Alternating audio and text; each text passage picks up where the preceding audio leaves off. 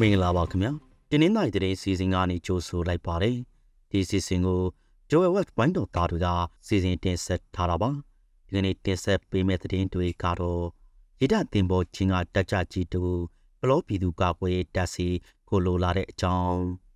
ရေပူမျိုးနဲ့တဲ့စစ်ကြောင်းထုံနေတဲ့လေးရဲ့အတွင်းရသားတူပစ်ခတ်ခံရပြီးနှစ်ဦးအဖမ်းခံရတဲ့အကြောင်း တိုက်ပွဲပြင်းထန်နေတဲ့ရခိုင်ပေါက်တော်ကပြည်သူတရားကျော်ကိုအေအေကကဲထိုးတဲ့အချိန်လေးကော့တောင်းကဝင်လာတဲ့မြန်မာတွေရနောက်မှာဖမ်းဆီးခံရတဲ့အကြောင်းအွန်လိုင်းကနေအိုင်ဖိုးဝယ်တဲ့ထိုင်ရောက်မြန်မာတူအလေးခံရတဲ့အကြောင်းပါဝင်ရွှေနဲ့ထိုင်ပါစီတဲကြချိန်နေစားတဲ့သတင်းတွေကိုနားဆင်ရမှာပါ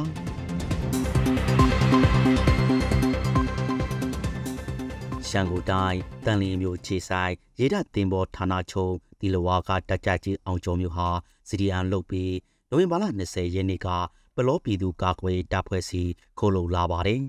စီဒီအန်လုံလာတဲ့တက်ကြကြီးကိုစောက်ရှောင်ထားပြီးအယူဂျီရဲ့နိုင်ငံဝင်တဲ့စီဒီအန်မူဝါဒနဲ့အညီဆက်လုပ်သွားမယ်လို့ဆိုပါတယ်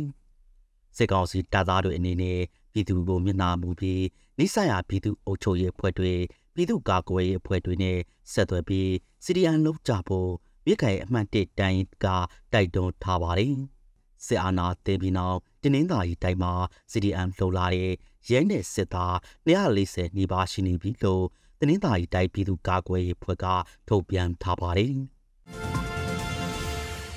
ရေဘူးမျိုးနဲ့တဝဲထူစီဝိုင်းဆိုဧရိယာမူတူးရွာကိုစစ်ကောင်စီတပ်စစ်ကြောင်းဝင်လာတဲ့လက်ရက်အတွင်းမှာမြို့သားတအုပ်အပစ်ခံရပြီးနှစ်ဦးကိုဖမ်းဆီးခေါ်ဆောင်သွားပါတယ်။ အဲ့ဒီဒေသကိုနိုဝင်ဘာလ18ရက်ကနေ21ရက်နေ့ထိမူဒူးရွာနဲ့အနီးတဝိုက်ကိုစစ်ကောင်စီတပ်ကစစ်ကြောင်းထုတ်ခဲ့တာပါစစ်ကောင်စီတပ်ကမူဒူးရွာသားကိုဝိုင်လူကိုဖမ်းမိရာကနေထွက်ပြေးတဲ့အတွက်တနက်နဲ့လိုက်လံပစ်ခတ်ခဲ့တာလို့ဆိုပါတယ်ကိုဝိုင်လူဟာစစ်ကောင်စီတပ်လက်ကလုံးမြောက်ခဲ့ပြီးမြဲတော်ထဲမှာအစာရည်စားပြပြီးငားရက်တီတီနေထိုင်ခဲ့ရတယ်လို့ဆိုပါတယ်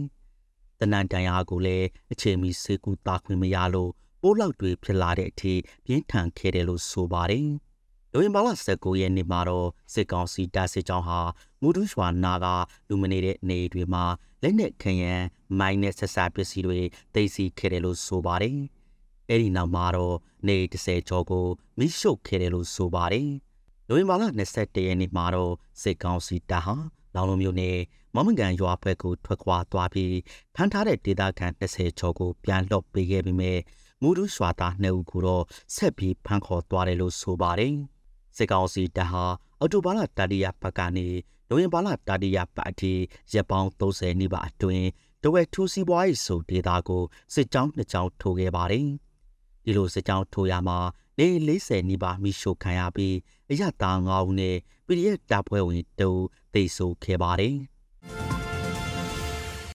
တိုက်ပွဲဖြစ်ထန်နေတဲ့ရခိုင်ပြည်နယ်ပေါက်တော်က ပြည်သူတရားကျော်ကိုကယ်ထုတ်နိုင်ခဲ့တယ်လို့ရခိုင်တပ်တော် AA ကမနေ့ကထုတ်ပြန်ပါတယ်။နိုဝင်ဘာလ16ရက်နေ့မှာ AA ကပေါက်တော်မြို့ကရဲစခန်းနဲ့ဌာနဆိုင်ရာရှိုးတွေကိုသိမ်းယူခဲ့ပါတယ်။အဲ့ဒီနေ့မှာပဲစစ်ကောင်စီတပ်ကတိုက်ခိုက်ရေးရဟရင်စစ်သင်ဘောတွေနဲ့ပြန်တိုက်ပြီးပေါက်တော်မြို့ကိုပြန်လဲထိချုပ်ခဲ့အားကဒေသခံတွေပိတ်မိနေတာပါ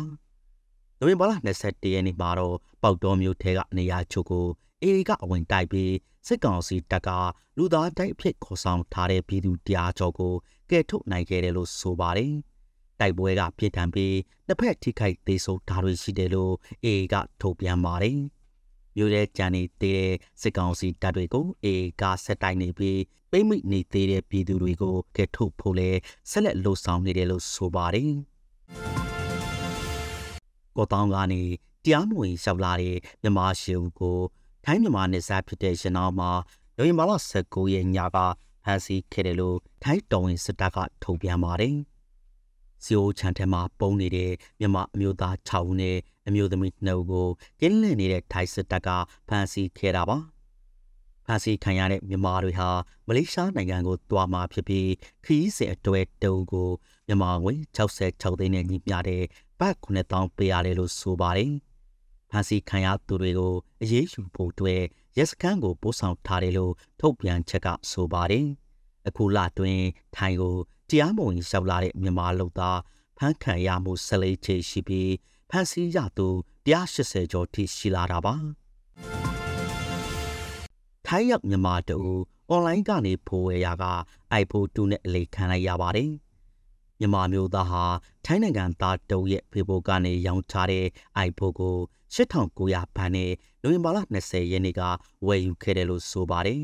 ။ဖုံးဝယ်မယ်လို့ပြောပြီးနှစ်နာရီလောက်ကြာမှတော့သူနေထိုင်တဲ့အခန်းကိုပစ္စည်းပို့သမားရောက်လာခဲ့တာပါ။ဖိုးစစ်ဟုတ်မဟုတ်ရောင်းသူကိုတီးပြူမိချင်းကအစိတ်ဖြစ်တယ်လို့အာမခံပြောဆိုတာကြောင့်ဘန်ကောက်ကိုငွေလွှဲပေးခဲ့တယ်လို့ဆိုပါတယ်။ဖိုးရောက်လာချိန်မှာသူကင်ဆောင်နေတဲ့မော်ဒယ်တူ ဖုန်းနဲ့နိုင်ရင်ကြည်ယာကလှုပ်ဆောင်ချက်တွေမတူတာကြောင့်ဖိုးဆိုင်မှာတွားရောက်စစ်ဆေးရာက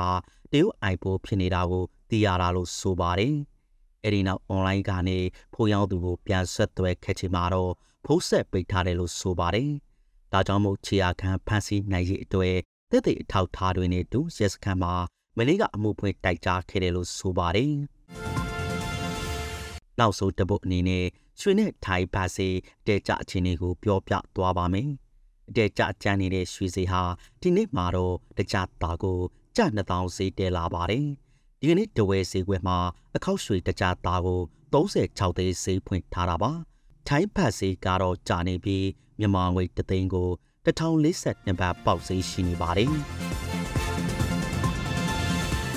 အခုလိုနားဆင်ပေးခဲ့တဲ့အတွက်ကျေးဇူးအထူးတင်ရှိပါတယ်။ မြန်မာနိုင်ငံသားများကပ်ဘေးပေါင်းကနေမြန်ဆိုလွတ်မြောက်နိုင်ပါစေလို့ဂျိုဝဲဝက်ဝိုင်းတော်သားများကဆုမောကောင်းတောင်းအပ်ပါတယ်ခင်ဗျာ။